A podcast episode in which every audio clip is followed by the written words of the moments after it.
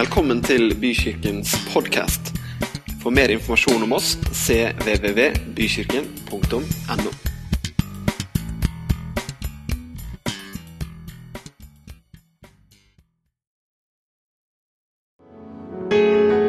Takk, Jesus, for at du er her.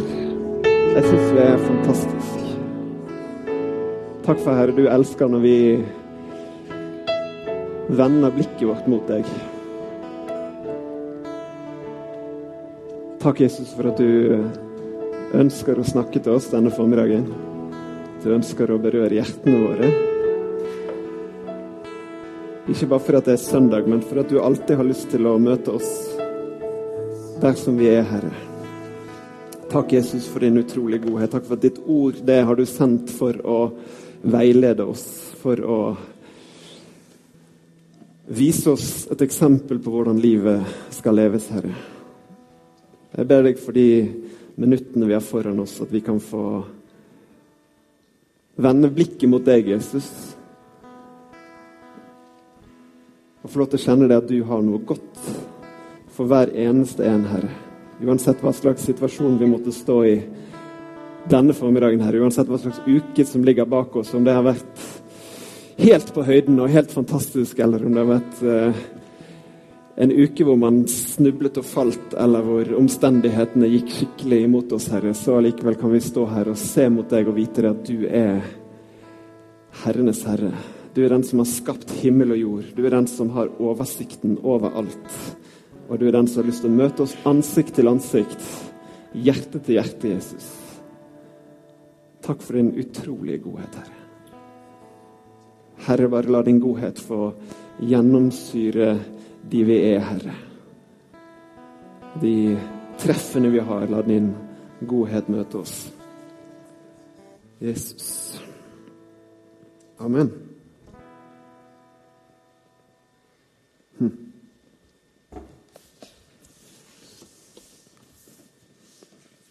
Jeg skal ikke spørre om vi har det bra, for det er liksom alltid litt sånn dumt å svare, spørre en så stor forsamling om det, og så begynner man å få ærlige svar. Så det kan jo være litt sånn krevende samtale å ta sånn helt i offentligheten. Så Så det er bra. Vi, eh, jeg har tenkt på mange ting. Det er jo sånn siden sist jeg talte, og det, er jo liksom, det blir jo gjerne et år og to mellom hver gang. Så det er liksom veldig mye som skal ut. Eh, ut her i dag. Så, så, så, jeg tenkte det at det er jo fint at ungdommene har ladet opp på en sånn rolig Viken. hvor de, har fått liksom, de er klare nå for å ta imot masse. ikke sant? Holde ut lenge. Eh, så, så, det blir veldig fint, får vi håpe. Vi får se etterpå. da. Kanskje vi skal ha en mentometerknapp etterpå hvor bra dette blir. Jeg, vet, jeg vet, Egentlig så har jeg sånn mål om å ikke drikke når jeg står på scenen, men jeg får alltid lyst på vann. når jeg kommer. Jeg gjør det likevel, jeg. Er det greit? Det er bra. Takk fint respons. Jeg har en avtale med, med, med Mathilde i dag, da, at hun skal gi meg litt respons her. sånn at det føles hvert fall litt bra her oppe. Så er, det bra, er det bra, Mathilde? Ja, det er bra. Det er godt. Det er godt. Det er ikke alltid sånn himla lett å være menneske. Det er liksom min erfaring etter, etter 37 år på denne jorden. At uh, det er ikke alltid like enkelt. Og at av og til så, så møter man på utfordringer. Denne sommeren her så hadde jeg tatt fri hele juli måned. Og hadde en, en sånn stor ambisjon om å komme i skikkelig god form. Tenkte at nå, nå skal vi liksom Jeg har lagt opp treningsløpet. Jeg hadde kjøpt to nye par med joggesko. Og liksom nå hadde vi lagt opp eh, Vi skulle gjøre intervalltrening og skulle gjøre rolige joggeturer innimellom. Og restitusjon. Og liksom lagt opp hele løpet. Og um, En av de første dagene, da, det var den 1. juli, så dro vi ut til Ildverket. Uh, ute i eh, Paradisbukta ute i, ute i skjærgården her. Og Da uh, putret vi ut med vår lille båt, og så la vi til der, og det var skikkelig varmt og deilig. Men så var det litt sånn deilig bris. Vi lå i skyggen, og så tenkte jeg at her er det jo helt topp å begynne på denne løpeplanen min. Så jeg spente på meg løpsskoene og opp i, opp i, opp i Svabergen oppe der. Det er jo litt sånn høyder og sånn. Og veldig fint, og det var en sånn fin bris der oppe, og det var helt perfekt. Løpe over der og kjenne at nå er vi liksom Nå er vi i gang. Sant? Er vi i gang? Det er fint å kjenne at man er i gang. Og, ja, folk begynner å le her for at de kjenner meg. Men, men, men, men så også, ja, opp og ned, og vi holdt på i 20 minutter, så kjente jeg at nå er vi liksom i stiget her. Nå kan vi liksom dra litt skikkelig på. Og så er det der liksom sånn på disse svabergene, litt sånn ruglete. Så i et sånt steg treffer jeg liksom da skikkelig feil. da. Treffer liksom med hælen først, og så bare sier det bare vondt, sier det. I hele kroppen. Og det var jo egentlig liksom bare ikke sånn voldsomt voldsomt eh, stas. Kjente at nei og nei og nei. Jeg liksom klarte å hinke meg ned da, til familien, som satt uvitende om min voldsomme smerte nede i viken der. Og uh, fikk lagt foten min ute i, ut i, vannet. da. Det var jo veldig dårlig kjølende effekt i sommer med, med det vannet, men jeg prøvde nå i hvert fall så godt jeg kunne. Og la meg ned her. Syntes skikkelig synd på meg sjøl. Skikkelig sånn selvmedlidenhet. Det er en god egenskap jeg har, da, å være selvmedlidenhet. Og så, og var jeg veldig usikker på hva, hvordan, hvordan skal håndtere dette. her. Kommer hjem, Jeg har jo kone i helsevesenet, så hun har jo sånn røntgensyn og kan se gjennom. Og så at dette var ganske greit. Eh, og, eh, og, jeg tenkte at nå, vi, nå, må vi legge foten høyt og legge bildet ut på internett og se om vi får noe medlidenhet fra, liksom, fra gjengen der ute. Og det er helt riktig. Jeg fikk både Jeg skjønte ikke at jeg fikk noen likes. da, Det var jeg usikker på hvordan jeg skulle, jeg skulle føle. Jeg fikk i hvert fall noen, noen hjerter og noen gode kommentarer og god bedring. og jeg har kjent at eh, ja, dette her, det blir jo greit. Jeg kjenner at det var flere som, som var enig med, med dette her. Og så, og så var det én kommentar som stakk seg litt ut, da. Som liksom kom litt sånn imot meg. Og der sto det 'Au, god bedring', sto det.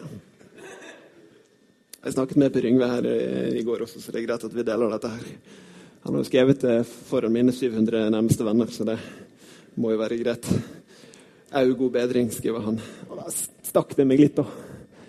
For det fins jo de som har større mobilitetsutfordringer enn meg. Selv med bandasje på foten. Eh, og kjente at ah, ja, kanskje vi har det ganske bra likevel. Og selv om liksom, jeg ikke klarer å opparbeide den superfarmen i løpet av sommeren, så skal vi liksom, i hvert fall klare å bli bra i løpet av sommeren. Og det stakk meg litt, da. Ikke sånn at jeg hadde vært så vanvittig selvmedlidende og på en måte eh, at eh, Per Yngve har liksom englevinger, som han beskrev det som eh, her for, forrige dagen. At du, har, du sa det at du hadde englevinger, ikke sant? Nei, det var det du ikke hadde. Men i hvert fall så er det sånn at Opplevelsene våre de, de kan vi se gjennom liksom, de omstendighetene vi har rundt oss. Og så kan vi måle det opp mot ulike saker og ting og ulike erfaringer som vi har i livet. Eh, og klart I forhold til at jeg skulle bygge opp min, eh, den eh, formen min, så var jo dette helt kritisk. Men i liksom det store bildet så var det jo kanskje ikke sånn kjempekritisk. Vi klarte å gjennomføre sommeren og fikk gjort det vi skulle, sånn stort sett. Og eh, dette her går jo bra. Men, eh, men, eh, men, eh, men så, så, så, det er akkurat dette her jeg har lyst til å belyse litt, litt i dag. At den situasjonen og hvordan du ser på verden For det er jo litt hvordan du ser på verden, da. Om du blir selvmedlidenheten av en sånn liten ting eller ikke. Og, og, og, og hvordan perspektiv man egentlig har. Um, og, og, og, hvordan ditt verdensbilde påvirker hvordan alle de små situasjonene oppleves Og hvordan alle våre små erfaringer, stort og smått, faktisk også påvirker vårt verdensbilde. Så det der er jo litt sånn ja, Masse fremmedord, jeg skal ikke bruke det. Det speiler jo litt hverandre. Så jeg tenkte vi skulle snakke litt om det. Verdensbilder. og Det er jo litt sånn stort og svett å snakke om en søndag formiddag. Men, eh, men, eh, jeg håper du, du, bærer med meg her om at vi skal se litt på hvordan vi, vi ser på verden. Um, for jeg tenker at Vår tro handler liksom om sannhet. Det handler om uh, ikke bare vår søken etter sannhet, men at vi faktisk har funnet sannheten. Uh, og at sannheten setter oss i frihet. Uh, og jeg tenker kanskje vi like godt skal la Guds ord få lov til å si oss noe om dette her. Johannes 8, 31-32. Jeg pleier jo alltid å, å, å, snakke litt fra The Message, som er en engelsk eh, parafraseoversettelse. fordi den, den, sier ting på et litt moderne måte som eh, åpner øynene våre litt igjen. Eh, og da sier eh, På min gebrokne engelsk så står det Then Jesus turned to the Jews who had claimed to believe him. If you stick with this, living out what I tell you, you are my disciples for sure. Then you will experience yourselves the truth, and the truth will set you free. I norsk oversettelse står det sånn at Jesus sa da til jødene som var kommet til tro på ham, i den andre oversettelsen som claimed, altså de påstår at de fulgte ham, sant? at de trodde på ham. Hvis dere blir i mitt ord, altså hvis dere holder fast med dette som jeg forteller, og dere lever dette ut, da er dere virkelig mine disipler eller mine etterfølgere. Da skal dere oppleve sannheten. Dere skal kjenne sannheten, og sannheten skal gjøre dere fri. Sannheten setter oss i fri.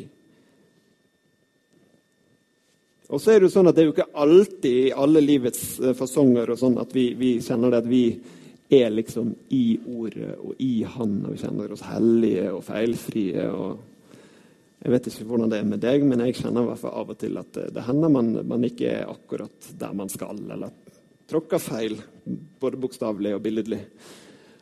Um, og det er ikke alltid liksom, man kjenner seg så veldig fri. Jeg vet ikke hvordan det er med deg, men det hender at jeg føler meg at omstendighetene eller livet utfordrer. Um, men så tror jeg at Gud likevel på disse punktene ønsker oss å sette oss fri. Og da er det å søke til Han. Det er tre ting som jeg har lyst til å snakke om, og det handler om eh, når livet blir fjernt fra troen.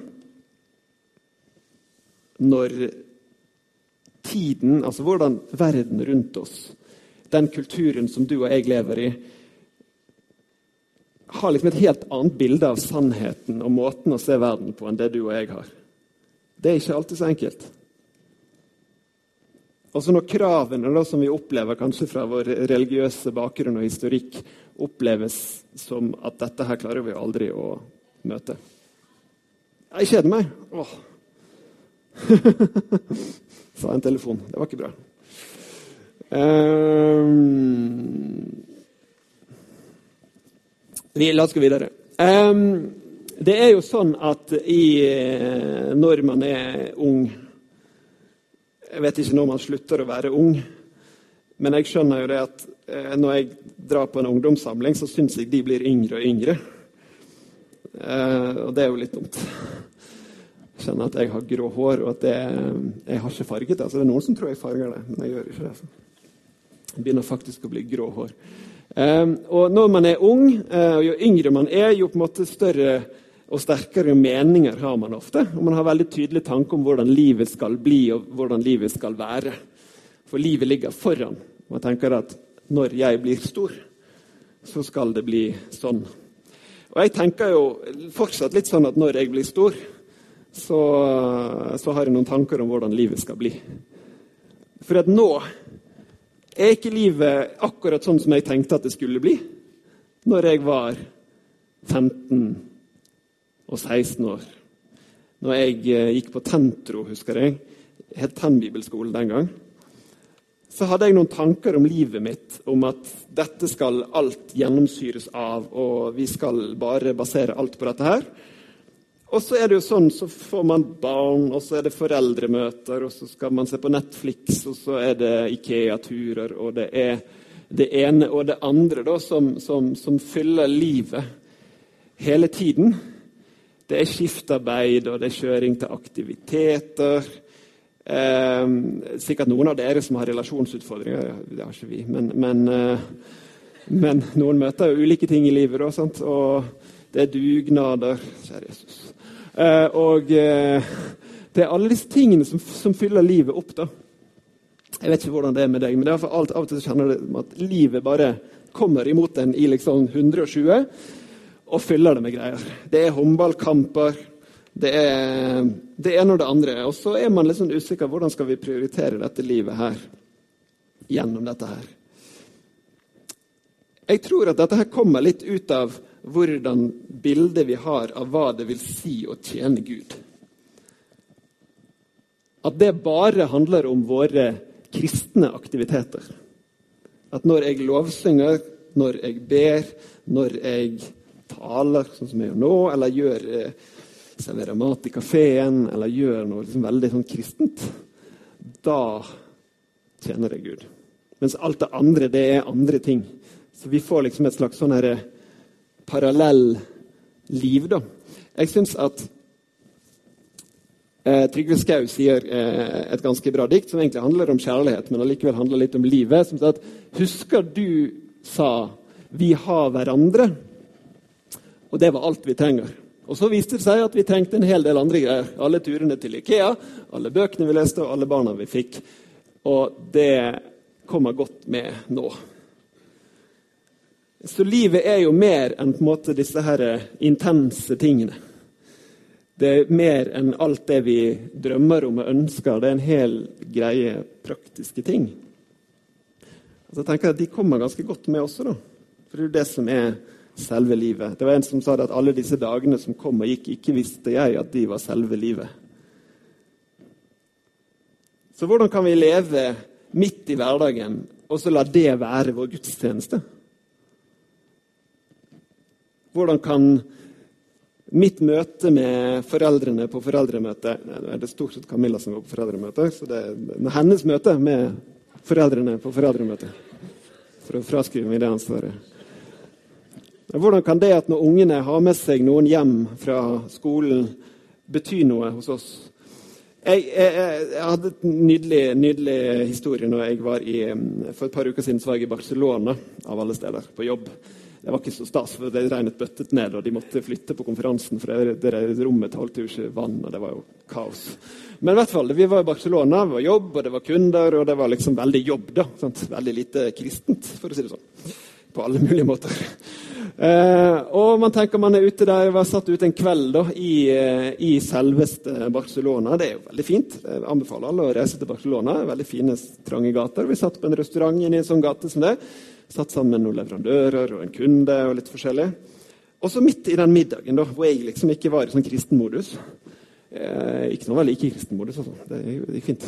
Men, men, i hvert fall så, så, så, så er det en, eh, en, kunde av meg da, som, som tar opp telefonen sin, og så sier hun 'Stian, har du sett denne sangen før?' Og så viser hun med teksten på 'Makten og æren, prisen og sangen tilhører herskarenes Gud'. Midt i liksom Barcelona, midt i, midt i, festen, så kommer den opp. Og hun, for vi har sittet mye og jobba sammen, og ting kommer jo eh, fram eh, i livet. Hun kommer fram med denne. Og så sier han kjenner du denne sangen. Spiller dere den i kirken hos dere? Så det er kanskje noen år siden, men eh, ja, den har vært en hit en gang. Eh, så den, den, den, kjenner vi. Så, du, fordi at vi, eh, Sønnen min konfirmerte seg nå, og i kirken så sang de denne. Og den har vi gått og nynnet på siden. Den sangen. 'Makten og æren, prisen og sangen'. Sant? Og 'Hvert et kne skal bøyes'. Det er jo en fantastisk sang. Eh, og så får jeg eh, vise dere at det her er jo en engelsk sang som eh, Ron Kenoli, som var en stor helt for meg i ungdommen. Eh, eller mest bassisten hans, da, Abram Laboriel. Det være litt sånn nerdete. Eh, og, eh, og Alexa Kuna, som spilte perkusjon. Veldig kul. Eh, Bygans. Eh, og så fikk jeg lov til å si at denne her heter 'Ancient of Days', og vi var linker på Spotify og, og hele greien der. Så midt, midt, i liksom en skal si, veldig ikke-kristen aktivitet, hvis man skulle definere det, så kan vi få lov til å snakke om sannheten om det evige liv og være til stede for mennesker der og da. ikke sant? Og det tenker jeg er handler om at vi må være koblet på i livet. da. Ikke skyve det liksom til siden, men at Gud er sentrum i våre liv hele tiden. Ikke bare her, ikke bare at nå gjør vi det, og nå gjør vi det. Jeg har jo det sånn at jeg har liksom I ungdommen min, for å si det sånn, så var det veldig mye snakk om å få et kall. Vi hadde lyst på kall til å bli misjonær eller til å bli det ene og det andre. Jeg har liksom aldri opplevd å få noe kall. altså. Jeg er 37 år, som sagt. Du, du har merket at jeg kjenner litt på det. Jeg kjenner at det begynner å bli et høyt tall. Eh, det er jo ikke det, altså. Eh, men, men, eh, men, jeg kjenner er ikke på noe kall. Og, og, lenge så tenkte jeg at det var litt sånn dumt, for da surrer man jo bort livet så lenge man ikke gjør det. Og jeg tenker at det der er, er noe vi må snakke om, alle sammen. Fordi at veldig mange mennesker som jeg kjenner, de enten så har de aldri opplevd å få et kall, eller så klarer de liksom ikke å komme seg inn i dette kallet. da. Og så stresser vi litt med det. Og så venter vi på det, og så blir det et slags sånn passivit, passivit pass, Ja, vi blir passive. Takk. I denne, I denne, fasen her, da, sant? Så, så, går vi og venter, og så venter vi på at Gud skal gjøre ting. Og så tenker vi at alt det som initiativene jeg gjør, de er jo liksom ikke gode nok. For det er jo det som Gud skal gjøre gjennom meg, som er, er det eneste som er noe. Men så tenker jeg at Gud har gitt oss kall uansetting til å leve der vi er, til å være lys og salt i denne verden. Så uansett om jeg skulle velge liksom riktig jobben der og da eller ikke. eller Nå tror ikke jeg Gud er en sånn her, liksom, Nå valgte du feil, og nå valgte du riktig, liksom. Jeg tror Gud har kalt oss til å bruke hodene våre. Til å bli kjent med Han og kjenne det at Hans sannhet blir liksom innbakt i våre verdier, i våre holdninger, i vårt tankesett. Sånn at vi tar de valgene som er riktige der og da. Ikke bare fordi vi hører et eureka fra himmelen, men fordi Gud leder oss steg for steg. Ikke sant? Og i de valgene jeg tar, så var det sånn fordi at jeg gikk feil den gangen, så kan jeg aldri komme tilbake igjen på det riktige. Da hadde vi slitt ganske mange av oss. Jeg har tråkket feil mange ganger i livet. Og, og, og, Gud ønsker at vi skal være lys og salt. Da er liksom timingen og situasjonen og alt det. Han kan bruke hva som helst. Han, han kan bruke en middag i Barcelona, eller han kan bruke, bruke et foreldremøte, eller han kan bruke den gangen du har med deg noen hjem fra skolen, og mammaen kommer hjem på kaffe etterpå når de henter deg, ungen Altså Alle disse små situasjonene så ønsker Gud at vi skal være lys og salt.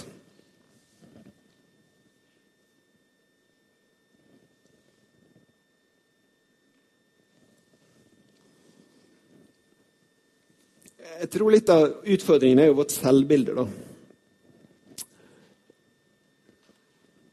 Her er jo Amish eh, people fra Amerika. De som ikke kjenner til det, så er det altså en, en, eh, en gren av uh, kristenheten, noen vil kalle det en sekt, som har noen tanker om at vi skal ikke bruke moderne teknologi. og liksom, ja, Vi skal holde oss for oss sjøl og, ja, og litt sånne ting. Og når noen liksom tenker om liksom, superkristne, da, sånn som vi er, konservative superkristne Eh, så får man noen bilder i hodet. da.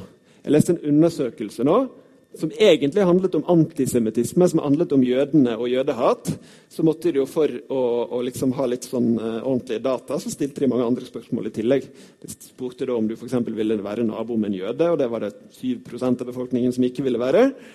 Men det som var litt artig, eller kanskje ikke så veldig artig, men, men at 15% ville ikke være nabo med en pinsevenn.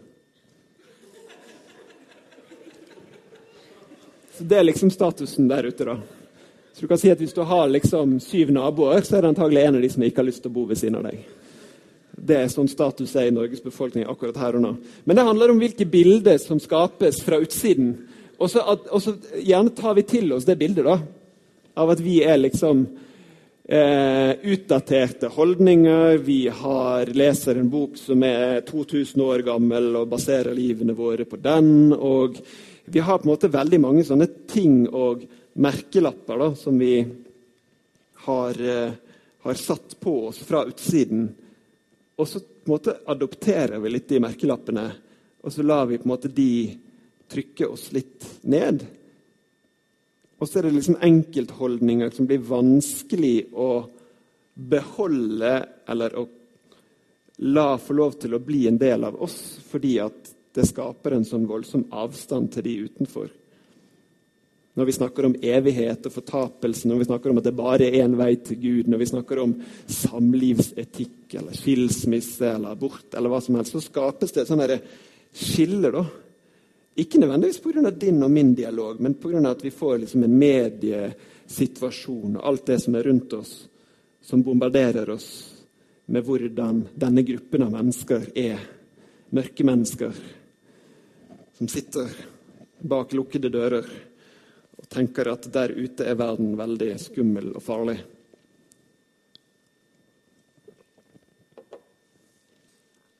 Og så lar vi liksom dette påvirke oss. Og så vil vi ikke helt snakke om det. Så lar vi dette her, som står i avisen, forbli uimotsagt.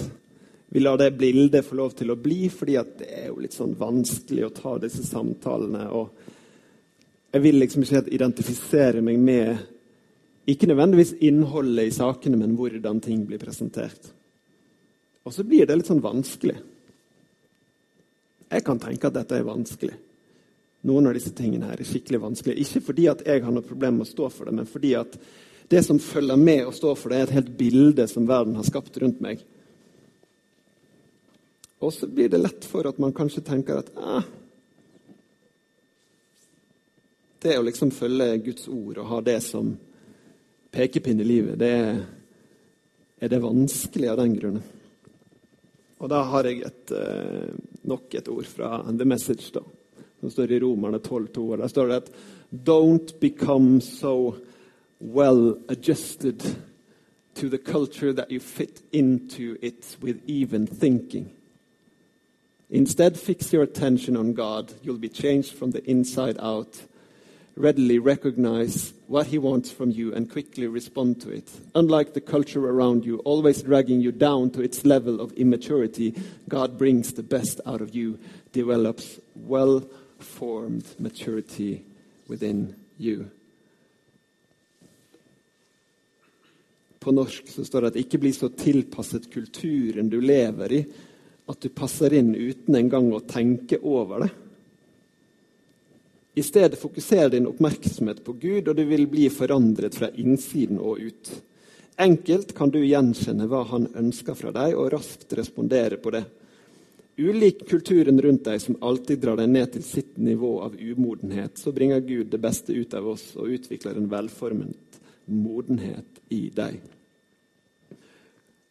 Så jeg kjenner at svaret på å, å ikke dra seg sjøl ned da, i det i det som bildet som mediene eller verden rundt oss har lyst til å sette på oss, så må vi fikse Det er veldig dårlig norsk. Fokusere vårt blikk på Jesus. For det er sånn vi kan bli forandret fra innsiden og ut. Sånn at ikke samtalene dreier seg om måte, bare vanskelige ting, men om at Hans nåde kan forvandle oss. At han har en vei til himmelen for hver eneste en. Og at vi ikke trenger å stresse med noen ting, men vi kan få lov til å komme til han akkurat sånn som vi er. Og la det få lov til å være det som preger oss, og ikke den verden som er rundt oss. Og da tenker jeg Det handler bitte lite om tiden vår, og hvordan vi prioriterer den, og tenker at all tiden vår er Guds tid. Ikke bare den tiden som vi gjør de kristne aktiviteten, men all den tiden jeg har, er Jesus tid. Og Da blir det ikke sånn at ja, i dag brukte jeg så mye tid på Gud. Men jeg brukte faktisk 24 timer på Gud denne dagen. Det handler ikke bare om når jeg kler eller led eller gjør akkurat disse aktivitetene, men det handler om at jeg er på nett. Telefonen min her, den er online den hele tiden. Uansett hvor bevisst eller ikke bevisst forholdet jeg har til den, så kan Camilla ringe meg når som helst. Kan verden rundt få kontakt når som helst. Og vi er online. Jeg syns det er et litt fint bilde på hvordan Gud forholdet vårt til Gud kan være. At vi kan være påkoblet Gud hele tiden. Vi kan være online med Gud hele tiden.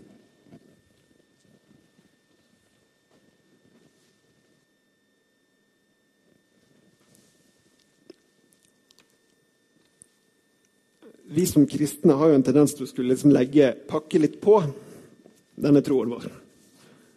At vi skal pakke en hel masse greier som vi skal gjøre og oppnå. da for å komme helt opp. fordi at det, å, det Jesus gjorde, det, det, det, var jo kanskje nok, men kanskje litt til bør vi gjøre.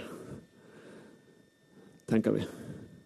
Ikke sånn uttalt, kanskje, men, men, men i hvordan vi oppfører oss og, og oppleves, så kan det kanskje se litt sånn ut at det, det var ikke helt godt nok, det som skjedde på korset. Hans nåde var ikke helt nok. Så vi må, liksom, vi må bygge litt til. Og Ikke det at vi ikke bare klarer å komme til toppen av stigen, men vi må liksom bygge på den stigen litt mens vi står der oppe og vakler. Opp mot himmelen og strekker oss opp mot toppen. Og så møtes vi liksom av en sånn herre ja. Så av og til så mister jeg sånn troen på menneskeheten. Jeg vet ikke åssen det er med deg, men vi gjør veldig mye rart. Jeg gjør veldig mye rart. Og selv om liksom Jesus har frelst meg og tilbudt sin nåde og alt mulig, så skal jeg klatte på da, for å liksom være fornøyd sjøl med hvordan dette, dette, livet leves. At det er ikke helt nok, det som Gud ga. At jeg tenker at den stigen her er litt omvendt, og at det var Jesus som kom ned til oss og sa dette er ferdig. Ikke at vi skal klatre opp denne stigen og gjøre alle tingene våre for å komme til Han. At det, er det som er hele budskapet, er at Hans nåde er nok. Men vi lager oss masse regler. da. ABC og nøkler til suksess i bønnelivet. og Sånn må jeg leve for ditt, og sånn må jeg leve for datt. Og så går vi skikkelig på trynet. da. Og det stemmer jo liksom ikke med disse ABC-ene. vet du. Det er jo ikke, det, det er ikke noen nøkkel til suksess, det, å snuble og falle. Eh, og alle tråkker vi feil av og til i livet. Vi tråkker skikkelig feil. Eh, nå skal ikke jeg eh, dreve det, ha en sånn veldig sånn delestund, men vi har jo alle ting i livet vi tenker skulle vært annerledes. Eller Nei, det var helt stille. Hvem er du? Nei, jeg tenker at det er ting i livet som jeg skal prioritere annerledes, som jeg skal gjøre annerledes. Eh, som man burde gjort det annerledes. Man gjør feil, man snakker om mennesker på feil måte, og man gjør det ene og det andre. Og så får det det av en eller annen grunn oss til å se ned på det Jesus gjorde for oss. Så glemmer vi at Jesus han kom helt ned for å reise oss opp. Og det er nok. Jeg må liksom ha to ting her for å styre liksom den og noe for å styre her, så jeg er litt forvirret. Teknologisk forvirret. Jeg begynner å bli gammel. Um, sorry. Min nåde er nok for deg. Og nok, det er nok, det. Nok er nok trengs ikke noe mer. Uansett hva jeg måtte legge til på dette her, så blir det ikke noe mer. Jeg får ikke noe mer billett til himmelen. Jeg har billetten. Jeg, jeg, er liksom meldt på. Jeg er liksom koblet på Jesus. Jeg er online. Det er ikke noe, noe man kan gjøre til eller fra for å liksom komme noe videre på den veien der. Ikke videre liksom på andre ting. Altså, jeg sier ikke det at vi ikke skal strekke oss og liksom leve nær til Jesus, men det å, at Jesus alltid har lyst til å møte meg, det, det, er ikke noe jeg kan gjøre fra eller til på. Jeg tenker på mine barn. da. Niklas og Olivia. De, de trenger ikke å gjøre noen ting for at jeg skal tenke at jeg er glad i dem, og at de er mine barn. Sant? Uansett hva de tull de av og til kan finne på, så forandrer ikke det på de stilling hos meg som mine barn. Og enda mer, da, som Jesus sier, at selv når vi som er onde, i hvert fall i forhold til Gud, gir våre barn gode gaver, hvor mye mer ønsker ikke Gud å gi oss det som er godt? Min nåde er nok. Og nok, det er nok.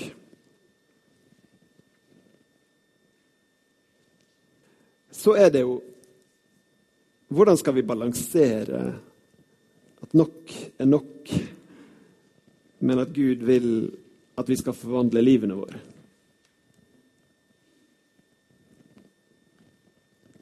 Og Da tenker jeg akkurat det verset som vi leste i sted, at å skifte fokus er det det handler om.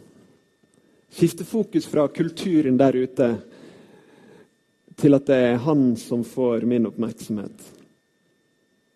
Hele tiden Paulus sier også det, sant, at han, man skal be ustanselig. Det virker litt sånn slitsomt å be ustanselig. Eller slitsom fyr. Han ber hele tiden. Helt umulig å snakke med han. Han ber hele tiden. Og det er jo litt sånn Jeg tror ikke det var sånn det var. Paulus klarte jo å møte kulturen rundt seg fordi at han var koblet på hele tiden. Og det tenker jeg der Vi skal være Vi skal være koblet på Gud, online med Han, til stede i hverdagen. Men at det er Han som får lov til å påvirke oss, ikke liksom det som skjer der ute. Det kan vi få lov til å påvirke. Du kan få påvirke hvordan de menneskene rundt deg tenker om Gud, og hvordan de tenker om deg. Det sa pastoren var veldig bra. Yes. Og det, det, er det. Det er faktisk det, altså. For vi kan være lys og salt. Eller vi ikke bare kan det, men vi er det. Vi er lys og salt. Det er ikke noe du skal bli, eller som hvis du klarer å komme til toppen av den stigen, så blir du lys og salt. Men idet Jesus flytter inn i hjertet ditt, så er du lys og salt. Vi får lov til å representere han her. Uansett hvor mye vi støvler og faller, så er han her. Jeg bare ser Når de kommer ramlende inn fra gaten og blir frelst. altså Evangeliesenteret er jo helt nydelig. Når mennesker liksom har bare gjort alle feilene i boken. Og så bare ser du de, de, de, på en måte bare elsker Jesus i det at han har fått lov til å forvandle livene deres. Og så får de lov til, helt på nederste trinn av stigen, da, om man skulle bruke det bildet, få lov til å være lys og salt og, og, og dele dette videre. Og så vi, da, som er liksom helt der oppe på stigen, da, som hvis vi skulle være veldig sånn menneskelige sammenlignbare. Sant? Og ha liksom alt på stell. Fine Instagram-bilder, og alt er liksom fint. Snapchat og alt er på stell. Interiøret ser bra ut. og De som bytter til lysene før de slukker helt. og er fint til enhver tid. Det er der liksom vi, vi er liksom på level 99. Ikke sant? Men vi tenker at vi har liksom ikke noe lys og salt å dele. Himmel og hav, så mye lys og salt vi har å dele. Mye lys og salt vi har å dele, og min nåde, den er nok, og nok er nok. Du er lys, og du er salt, og jeg er lys, og jeg er salt. Punktum. Kanskje vi bare slapper litt av, folkens. Ikke liksom stresse så utrolig mye. Og la han få lov til å bare virke i livene våre, gjennom livene våre, der vi er. Så står det stadig vekk i Bibelen om, om handlinger. Om å gjøre det som er rett og godt. I andre Tessalonikerne så står det at bli ikke trett av å gjøre det som er rett og godt. Ikke bli sliten av det. Ikke bli trett av det. Gud vil at vi skal gjøre rett, at vi skal gjøre godt, at vi skal være lys, at vi skal være salt. Uansett hvordan dagen i går var, så vil han at vi skal ta på oss joggeskoene. Jeg skal ikke overbruke det bildet. Men at Gud vil at vi skal gjøre det som er rett og gjøre det som er godt hele tiden. Ikke bare fordi at vi har et eller annet veldig spesielt kall til å gjøre rett og godt. Jeg har fått det kallet til å gjøre rett og godt men fordi at Gud gjennom oss ønsker å være lys og salt til denne verden. Og det syns jeg er veldig fint. At Jesus, at Gud som er skaperen av himmel og jord, allmektig, har vært siden tidenes begynnelse, kjenner alt, sier Stian, vil du være lys og salt for meg? Og så kan jeg gå ut og så kan jeg tjene han på en restaurant i Barcelona på en talerstol i bykirken, ved en kaffekopp i kafeen. Uansett hvor vi er, så kan vi være lys og salt. Og Det som er interessant, at man er jo kanskje egentlig mer lys og salt når man er på en restaurant i Barcelona, enn når jeg står her og taler. Jeg treffer mange mennesker, flere mennesker som ikke kjenner Jesus der ute, enn her inne. For når vi holder saltet inni bøssen, så mister det kraften sin. ikke sant? Det er jo når det møter kjøttet der ute.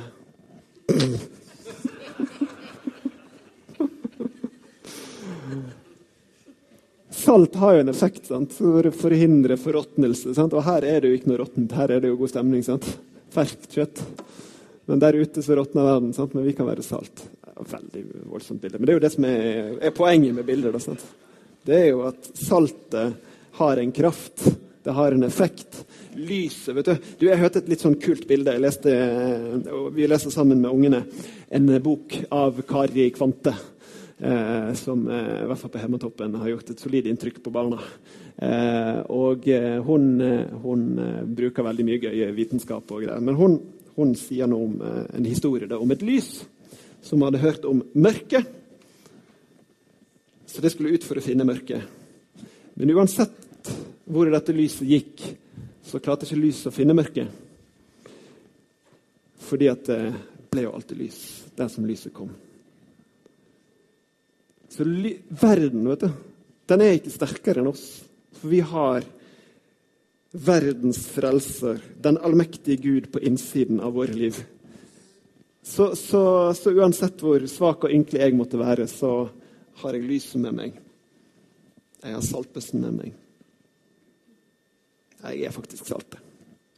Ikke bare en saltbøsse.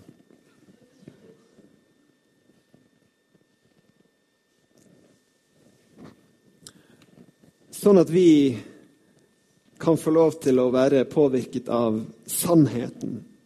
Og dette har jeg lyst til å du skal sitte igjen med. At når vi blir i Hans ord, og vi tar til oss det og lar det få virke i oss Og at når vi lar dette få påvirke oss, det er da vi er hans etterfølgere. Det er da vi er hans etterfølgere. Og da skal vi få kjenne sannheten. Og sannheten, den skal gjøre oss fri. Når vi står der på toppen av stigen og ikke kjenner neste stigetrinnet helt opp, så kan vi kjenne det at vet du hva Gud har gjort oss skikkelig, skikkelig fri. Kanskje disse flotte lovsangsteamene kommer opp. Det er jo så fine folk spiller fint og synger fint.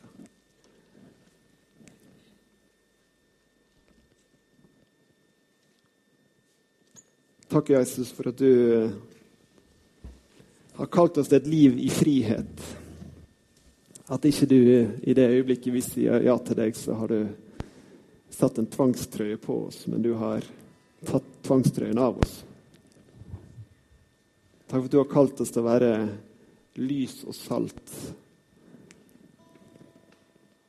At når vi ikke skjuler dette lyset og lar det saltet virke, så funker det. Da får vi være lys. Og selv om for oss så kan det se ut rundt oss som at det er på en måte mørke, så likevel når vi kommer, så blir det lys, Herre, for at du er med oss, Jesus. Herre, jeg ber deg om at du setter oss i frihet. Jeg. Uansett hvor vi måtte være i, i dette livet, Herre, at du lar oss få lov til å senke skuldrene og kjenne det at så lenge vi fester vårt blikk på deg, så lenge vi lar deg få møte oss, så kan vi få lov til å gå ut i verden møte mennesker med et hevet hode og vite det at du er på innsiden av oss. Og I de ordene vi sier, og de handlingene vi gjør, så er du nær. Du ikke sendte din Hellige Ånd for å være en eller annen magisk og mystisk eh, kiling i magen, Herre, men du sendte han for å forklare Jesus, for at vi kan være der ute og vise deg fram, Herre, for å være dine vitner. Helt til jordens ende. Og selv når vi føler oss helt på jordens ende og helt på kanten, så fyller du oss med håp, Herre.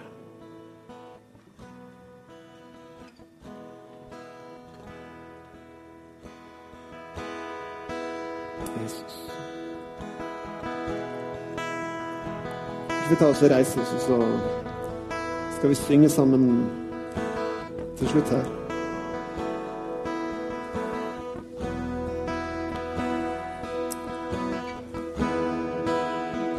Kan du til å bruke disse minuttene, ikke fordi at det er noe spesielt magisk med disse minuttene, men fordi at la Gud få snakke til ditt hjerte Ikke bare gjennom mine ord, men gjennom sitt ord og gjennom det at Gud rett og slett ønsker å berøre deg.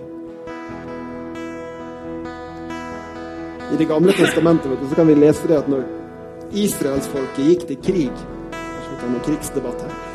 Men så sendte de musikere og sangere først. Det gjorde de. Og det er fordi at det skjer noe da når vi får sette ord på vår erfaring og sette ord på at han er overalt. Så skjer det noe i hjertene våre. Og så får han sette oss fri. Vi kan også lese om David som når Saul var konge Når han hadde det tøft og ble plaget, så kom David og spilte harpe for ham, og så ble han satt fri. Så ikke undervurder det, det å bare la musikken tale til deg og være i musikken og kjenne det at den setter deg i frihet.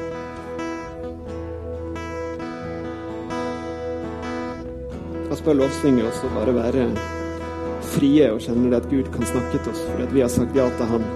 Det er ingenting som skiller deg fra Han. Ingenting. Min nåde er det nok.